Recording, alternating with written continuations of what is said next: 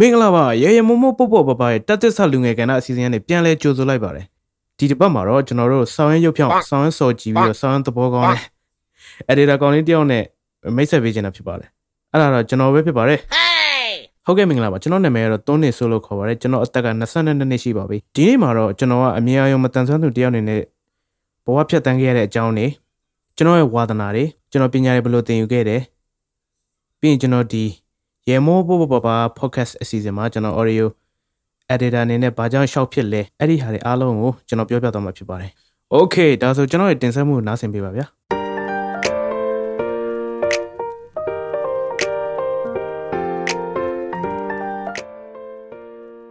2000ခုနှစ်6လပိုင်း16ရက်နေ့မှာတွန်းနေဆိုးဆိုတဲ့မင်းသားလေးတစ်ပါးဟာလဲလဲမင်းသားလေးတစ်ပါးတဲ့ဟုတ်ကဲ့တွန်းနေဆိုးဆိုတဲ့ကောင်းလေးတယောက်လောကကြီးကိုမအူမလင်နဲ့ရောက်ရှိလာခဲ့တယ်ကျွန်တော်ဆိုရင် မွေးရပါအမြန်ရောအားနေသူဖြစ်တယ်အဲမွေးမွေးချင်းမှာပဲမျက်စိမှာတိမ်ပါလာတယ်ကျွန်တော်ကိုမွေးပြီးပြီးချင်းလေးလာသားမှာပဲကျွန်တော်မျက်စိကိုခွဲတယ်အဲ့ဒီခွဲတဲ့ချိန်မှာမြင်ရတယ်ဒါပေမဲ့ကလေးဆိုတော့ငင်းငင်းမနေဘူးလေနော်ကျွန်တော်ကငယ်ငယ်ကလေးကငကဲအဲ့တော့ဟိုလိမ့်ဒီလိမ့်ဟိုပုတ်ဒီပုတ်အဲအဲ့လိုဆိုတော့ချုပ်ယူပြည်တယ်ချုပ်ယူပြည်တော့ ဆေးရုံပြန်သွားရတယ်ဆေးရုံပြန်သွားရတယ်မြင်နေမြင်နေမြင်နေအဲဘယ်လောက်ထိမြင်လဲဆိုရင်ကျွန်တော်နှစ်နှစ်သားထိမြင်တယ်အဲနှစ်နှစ်သားရောက်တဲ့ချိန်မှာဘယ်ဘက်မျက်လုံးတစ်လုံးကအရှိကိုဆူထွက်လာတယ်အရှိကိုဆူထွက်လာတဲ့အချိန်မှာမထုတ်လို့မရတော့ဘူးเนาะ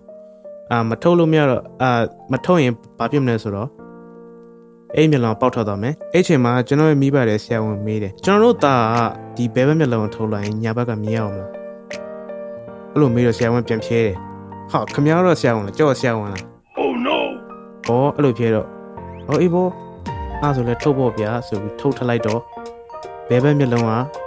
ထုတ်လိုက်တာညာဘက်ကအကျောပါပါသွားပြီးတော့လုံးလုံးကွယ်သွားတဲ့ဘောရောက်တယ်အဲသို့တော့သို့တော့အလင်းအမောင်တော့တွေ့ရပါတယ်ခုချိန်ထိတွေ့ရတယ်အဲ့ဒီရှိတဲ့တစ်လုံးနဲ့ခုချိန်ထိတွေ့ရပါသေးတယ်ဟုတ်ကဲ့ဒါကတော့ကျွန်တော်အမြန်ရောမတန်ဆွမ်းသူဖြစ်ခဲ့ရတဲ့အကြောင်းရင်းပဲ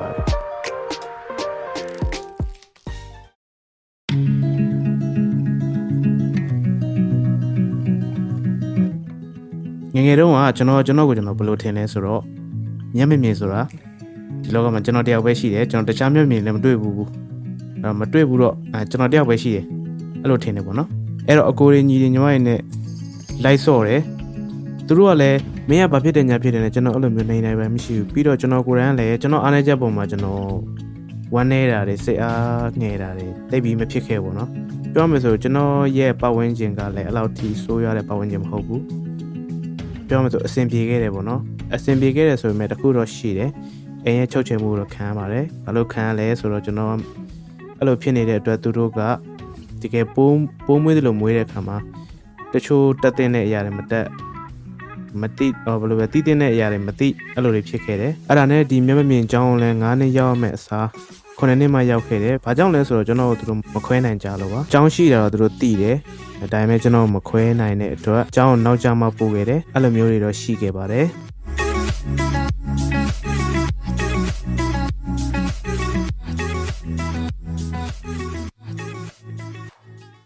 ပြီးရင်ကျွန်တော်ကြောင်းကိုရောက်ဖြစ်ခဲ့တဲ့အဲမှာဘယ်လိုပြောရမလဲအမတ်တရလို့ပဲပြောရမှာပေါ့ကျွန်တော်အခုထိမှတ်မိပါတယ်ပြန်တွေးတိုင်းလည်းပြုံးမိရပေါ့နော်အဲ့ဒါလေးကတော့ဘာလဲဆိုတော့ကျွန်တော်ဒီကြောင်းကိုရောက်ဖြစ်ခဲ့တာ ကိုလေးပြူကြောင်းဖြစ်ပါတယ် Malaga! Simiteka! Shonelu! Lechale! ဟုတ်ကဲ့ကိုလေးပြူကြောင်းပါဘာလို့လဲဆိုတော့ကျွန်တော်က IC ကိုအရန်ကြိုက်တယ် IC IC အဖွဲတစ်ဖွဲလုံးကိုကျွန်တော်ကြိုက်တယ်ဒါပေမဲ့အဲ့အချိန်မှာလေးပြူအကြိုက်ဆုံးပဲအဲ့အဖေကကျွန်တော်ကိုကြောင်းပို့ဖို့ပြောကျွန်တော်ညင်းတယ်ဒါပေမဲ့ကျွန်တော် IC ကြိုက်မှန်းသိတော့သူဘယ်လိုပြောလဲဆိုတော့လေးပြူတို့မျိုးကြီးတို့အငဲတို့အမှနေတာဆိုတော့ ဟာကျွန်တော်ကဟင်းတည့်ရမှာသူတို့နဲ့အရန်တွေ့ချင်တယ်လေအဲ့တော့ဘယ်ရမလဲဟုတ်လားအလေးပြူတော့မှရှိရလားဆိုသွားမယ်အဲသွားမယ်ပေါ့အတင်းပဲအဲလိုက်ဖို့အတင်းမဲ့အဲ့လိုမျိုးတွေပြောတော့မှအဲသူတို့ကအကြောင်းတွေပါလိုက်အစကျွန်တော်ကိုယ်တိုင်ကညင်းနေတော့သူတို့လည်းဟိုဖြစ်လို့မရဘူးကျွန်တော်အခုကကျွန်တော်အဲ့ဒီအဲပြောမှဆိုကျွန်တော်လိန်မီးပို့တာဗောလေအဲကျွန်တော်လိန်မီးပို့တာပါအဲဒါပေမဲ့အားနဲ့လည်းဒီရောက်တာနဲ့ အဆောင်မှုဘာတမေးလေးဆိုဟာဆီယမလေးပြူတော့ဗမာနေရလဲပေါ့နော်ကျွန်တော်သူတို့စီလိုက်ပို့ပေးပါလားဆိုတော့ဆီယမကြောင်သွားအဲ့နဲ့အဖေတို့ကမျက်စိမိတ်ပြလိုက်တာတော့ဘာတော့တခုခုလုပ်ပြလိုက်မှထင်တယ်အဲ့နဲ့ဆီယမ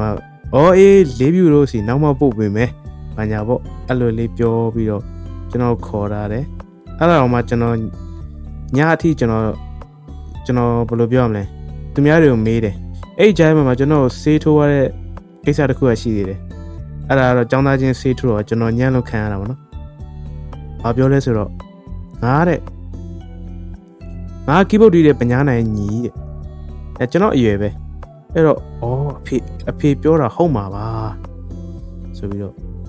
ခုဒီမှာပညာနိုင်ညီနဲ့တော့တွေ့နေပြီဆိုတော့ဒေးဗျူနဲ့လည်းမကြခင်တွေ့ရတော့မှာပဲဆိုပြီးအဲ့လိုမျိုးပေါ့နော်ကျွန်တော်ငယ်တုန်းက တုံးတာပေါ့နော်ပြောမှဆိုတုံးကလေးမလို့လည်းပါပါတယ်ဒါပေမဲ့ကလေးချင်းရှင်တော့ကျွန်တော်တုံးတယ်ဘာလို့လဲဆိုတော့ကျွန်တော်အိမ်ကချုပ်ချယ်ခဲ့လို့ပါပဝန်းကျင်ရဲ့နှိတ်ကုမှုတွေပါတော့ကျွန်တော်မခံရပါဘူးဟုတ်အိမ်မှာပဲရှိပါတယ်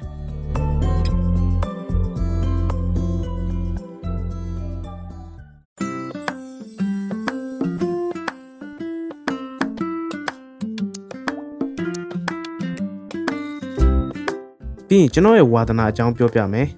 ကျွန်တော်ကဘာဝါသနာပါလဲဆိုတော့ music ကိုအရန်ဝါသနာပါတယ်ငယ်ငယ်လေးတည်းကတချင်းဆိုတယ်လို့တော့အဲကျွန်တော်အမေရဲ့ယောက်ျားအဲဆိုကျွန်တော်လည်းဘာတော်မလဲ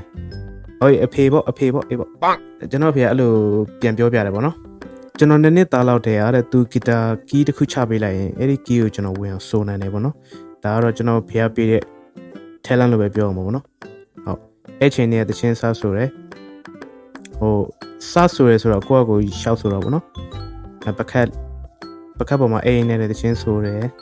အဲပအဲပြီးရင်ကျွန်တော်နားမှာမရှိမဖြစ်ထားပေးရတာကဆက်အဲကျွန်တော်ကဆက်တွေတစ်လုံးပြီးတစ်လုံးလှုပ်ဖြတ်လို့အဖေတို့ခဏခဏဝယ်ပေးရတယ်ဟိုပြီးရင်ကျွန်တော်အကြိုက်အကြိုက်ဆုံးတဲ့ချင်းအဲဒီကိုလေးပြူရဲ့ခွဲကန်းကိုမြန်မြန်ပို့ပါအဲ့တချင်းအဲ့တချင်းကို အမေကိုပြောတယ်အမေတောက်ဝီဝီဝီအဲ့တချင်းဖွင့်မေကလေးဆိုဘာမှမပြောတော့ဘူးနော်အဲတချင်းနဲ့မှလည်းမသိတော့အဲ့လိုပဲအဲ့ထဲမှာပါတဲ့အတန်အတန်နဲ့ပဲပြောလိုက်တယ်ဝီဝီဝီတချင်းဖွင့်မေပေါ့ဟုတ်အဲတချင်းဆိုတယ်ဒီလင်းကားနဲ့သားလောက်ကြတော့ကျွန်တော်ဒီရက်ကွက်ပွဲတွေမှာဆိုတယ်ရက်ကွက်ဒီဟိုဒီဇိုင်းတိုင်း show တွေပေါ့အဲဒီဇိုင်းတိုင်း stage show တွေမှာတက်ဆိုတယ်ဆိုဆိုဆိုတယ်ပြီးတော့9နှစ်သားလောက်မှာ ဖះเจ้าမှာစဆိုတယ်အမှန်တိုင်းပြောရရင်ကျွန်တော်ဒီလို music ကိုပို့ပြီးလှုပ်ဖြစ်လာတာအဖေရဲ့အားပေးမှုကြောင့်ပါအဖေကသူတော့တခြင်းမဆိုတတ်ဘူးဒါပေမဲ့ तू ကဒီຢာတွေကို तू နားထောင်တတ်တယ်နားလဲတယ်ကျွန်တော်လည်း तू ကဒီအတန်အဲဒီအဆိုနဲ့ပတ်သက်ပြီးအရန်ဖြစ်မြောက်စေခြင်းတယ်မလို့ပြောမယ်ဆိုအဆိုဆိုတဲ့ music နဲ့ပတ်သက်ပြီးအရန်ဖြစ်မြောက်စေခြင်းတယ်အဖေကကျွန်တော်ရဲ့အဖေကကျွန်တော်အဓိကပံ့ပိုးပေးခဲ့တဲ့ဆရာသမားလို့ပြောလို့ရပါတယ်ပြီးရင်အဖေကကျွန်တော် show တွေပဲတွားပြီးဆိုလဲသူပဲနုံနာခံမိလိုက်ပေးတယ်အဖေကအဲ့လိုမျိုးကျွန်တော်အမားလုပ်ပြီဆိုရင်လည်းသူကအရန်စိတ်ဆိုးတယ်အဲ့ကြရင်စကားမပြောတော့ဘာဖြစ်တာပဲရှိတယ်အဖေကအဲ့လိုမျိုးပြန်ပြောမှစိတ်ကောက်တာပေါ့နော်အဲ့ကြရင်ကျွန်တော်လည်းပြန်ပြီးစိတ်ဆိုးခြင်းနဲ့ဘာကြောင့်လဲအာလူပဲလေအမားရှိတာဗောဘာညာနဲ့ပေါ့သိရမလားအဲအဓိကအဆိုအဲ့လိုဆိုပြစ်တာကြောင့်အဖေကြောင့်ပေါ့နော်အဲဂီတာကြတော့ကျွန်တော်9နှစ်သားမှစတီးတတ်တယ်ဟုတ်ကဲ့အဲ ဂီတာ9နှစ်သားမှစတီးဒီကျောင်းဒီကျောင်းရောက်မှာပေါ့လေဒီကျောင်းကိုရောက်ပြီးတော့မှခဏကြာမှပဲကျွန်တော်အဲဂီတာသင်တန်းတစ်ခုမှသွားတီးနေမှအဲ့လိုမျိုးဘေးကအကိုတွေစီကနေပြီးတော့အဲ့လိုမျိုးသင်တယ်ခန်းနီနာချင်းအကိုတွေစီကနေအဲ့လိုဂီတာတွေသင်တယ်တီးကျင်တဲ့အကွက်တွေသူတို့မေးတယ်ပေါ့နော်ကိုရှာထားတဲ့အကွက်တွေသူတို့သွားပြတယ်အဲ့အနေမှပဲဟိုတက်သွားတာပေါ့နော် အမှန်တိုင်းပြောရင်တော့ကျွန်တော်မှဆရာရေလို့အတိအကျတော့မရှိဘူးဆရာတွေအများကြီးပဲဆရာအတိအကျရတာကြောင့်ကျွန်တော်အသက်16နှစ်လောက်ရောက်မှပဲရတာပါဆရာဖိုးတောက်ကြလို့ခေါ်တယ်သူကတော့ခေတ္တတင်တန်းဖွင့်စားနေဆရာပေါ့နော်သူနဲ့သွားတွေ့အဲ့ရနေစပြီးမှအခုလို့ထိဖြစ်လာတာပေါ့နော်အဲတချင်းဆိုတဲ့အခါမှာကျွန်တော် forget တင်တန်းနေတက်ခဲ့လားလို့မေးရင်တော့ကျွန်တော်မတက်ခဲ့ပါဘူးကျွန်တော်တချင်းနေနားထောင်နေအဲ့ဒီကြားတဲ့အတိုင်းကိုပဲဆိုတယ်ငငယ်တုန်းကဆိုရင်တော့ရိုးရိုးတန်တန်ပဲဆိုတတ်တယ် ကျွန်တော်အသက်73နှစ်လောက်ရောက်ခါမှာအရစ်တွေအကွန့်နေ style တွေထည့်တက်လာတယ်အဲ့လိုပေါ့အမှန်တမ်းပြောရရင်တော့ကျွန်တော်ရဲ့ vocal trainer ကတော့တချင်းတွေကိုယ်တိုင်ပဲဖြစ်ပါတယ်ဘာလဲဆိုတော့သူတို့ပဲနားထောင်ပြီးကျွန်တော်လိုက်ဆိုတယ်ဆိုရနေပြီးတော့ဒီလိုဖြစ်လာတာဖြစ်ပါတယ်။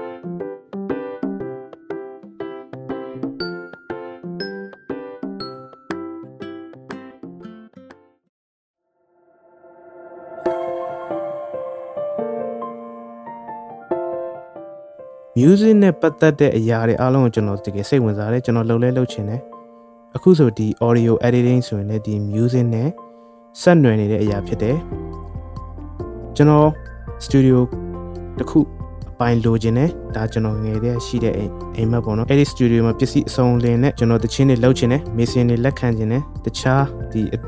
recording တွေပိုင်းအဲ့ရင်လည်းလက်ခံမယ်အဲ့လိုမျိုးကျွန်တော်လုပ်ချင်တယ်ဒါကျွန်တော်ရဲ့အိမ်မက်ပေါ့ပြီးရင်ကျွန်တော် guitar player ကောင်းတစ်ယောက်အဆိုတော်ကောင်းတစ်ယောက်ဖြစ်ချင်ပါတယ်အဲ့လည်းကျွန်တော်အိမ်မက်ပါပဲ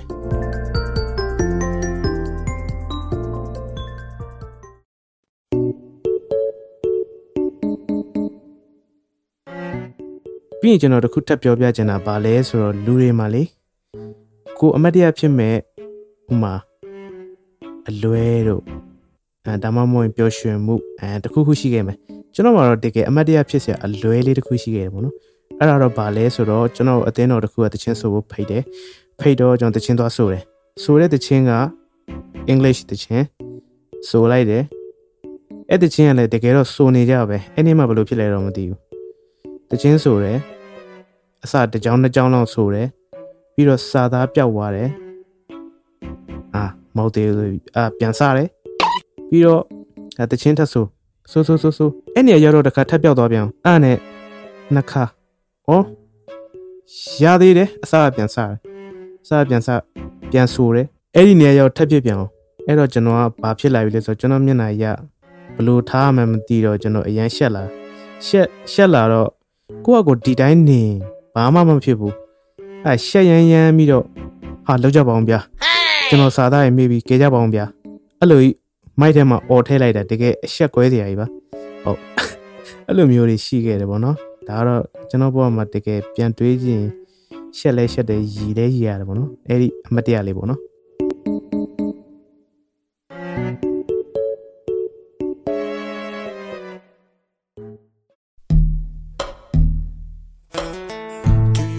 အခုလက်တလောဘာတွေလုပ်ဖြစ်နေလဲဆိုတော့ကျွန်တော်ကျွန်တော်တငယ်ချင်းတွေနဲ့ YouTube channel ထောင်ပြီးတော့ cover song တွေဆိုတယ်အဲပြီးတော့ Facebook မှာကျွန်တော်အဲကိုယ့်အကိုတယောက်တည်းလဲ cover song တွေတစ်ခါတစ်ခါတင်တယ်ပြီးတော့ကျွန်တော်ဒီရေရမမပုတ်ပုတ်ပါပါ podcast မှာအလုပ်တင် audio editor အနေနဲ့ကျွန်တော်ဝင်ရောက်ပြီးတော့လောက်ကင်တယ်အရေမောဘောပါ podcast မှာဘာကြောင့် editor အနေနဲ့အလုပ်တင်ဖြစ်ဝင်လျှောက်ဖြစ်လဲဆိုတော့ကျွန်တော်ကဒီ audio နဲ့ပတ်သက်ပြီးစိတ်ဝင်စားတယ်ပြီးရင်ကျွန်တော် media ဘိုင်းကိုလည်းမီဒီယာပဲပြောမှာနော်မီဒီယာအပိုင်းမှာလည်းကျွန်တော်စိတ်ဝင်စားတယ်ကျွန်တော်တို့မတန်ဆွမ်းသူတွေအနေနဲ့ဒီလိုမျိုးအပိုင်းတွေကိုတုံးချပြီးတော့ပဲလူသိအောင်လုပ်ဖို့ရှိတယ်ပေါ့နော်ဟုတ်အဲ့တော့အဲ့ဒီအပိုင်းတွေကိုကျွန်တော်နားလဲခြင်းနဲ့တက်ကြွခြင်းနဲ့ပြီးရင်ကျွန်တော်တက်ထားတဲ့ပညာရပ်ကိုကျွန်တော်ကောင်းကောင်းအသုံးချခြင်းနဲ့အဲ့တော့ အဲ့လိုအဲ့လိုအသုံးချနိုင်တဲ့နေရာကဒီနေရာကိုကျွန်တော်ရှာပေးခဲ့တယ်အဲ့တော့ဒီမှာအလုပ်တင်ဖြစ်ဝင် join ဖြစ်ပါတယ်အခုဒီမှာရှိတဲ့မနွေတို့ကိုပြေတို့ကိုထွေးပိုင်းတို့ဆိုတာကျွန်တော်တို့တင်ဆရာကြားဆရာတွေပေါ့နော်ဟုတ်အဲသူတို့စီကနေအတူယူဆရာတွေအများကြီးရှိတယ်ဥပမာကိုပြေတို့ဆိုရင်လည်းရေဒီယိုအစီအစဉ်တွေတင်ဆက်တဲ့ခါမှာအရန်အပြောကောင်းတဲ့အကိုကြီးအရန်ကောင်းတယ်အမှန်တမ်းပြောရင်ကျွန်တော်သူ့အားကြနေတယ်ပေါ့နော်ဘာလို့ဆိုကျွန်တော်အပြောမကောင်းလို့အဲပြီးပြီးမနွေတို့ဆိုရင်လည်း ဒီရှုပ်ရှင်ဘတ်တွေမှာလည်းပေါ်ရောက်တယ်ကိုထွေးဆိုရင်လည်းစာပေလောကမှာမြက်ကျွင်ဆိုတဲ့ကလောင်နာမည်နဲ့သူကစာအုပ်တွေထပ်ပြီးအဲ့တော့ဒီအကိုတွေဒီမတွေအားလုံးကဆရာကြီးတွေပါအဲ့တော့သူတို့နဲ့ပူးပေါင်းလောက်ကန်ခွင့်ရတဲ့အတွက်အရန်ကျေးဇူးတင်နဲ့အရန်လည်းဝမ်းသာပါတယ်ဟုတ်ကဲ့ကျွန်တော်ရဲ့အစီအစဉ်တော့ဒီလောက်ပဲဖြစ်ပါတယ်ခုလိုနားဆင်ခံစားပေးတဲ့အတွက်အားလုံးကျေးဇူးများတင်ပါတယ် Ooh, gotta cure my curiosity. Spirit.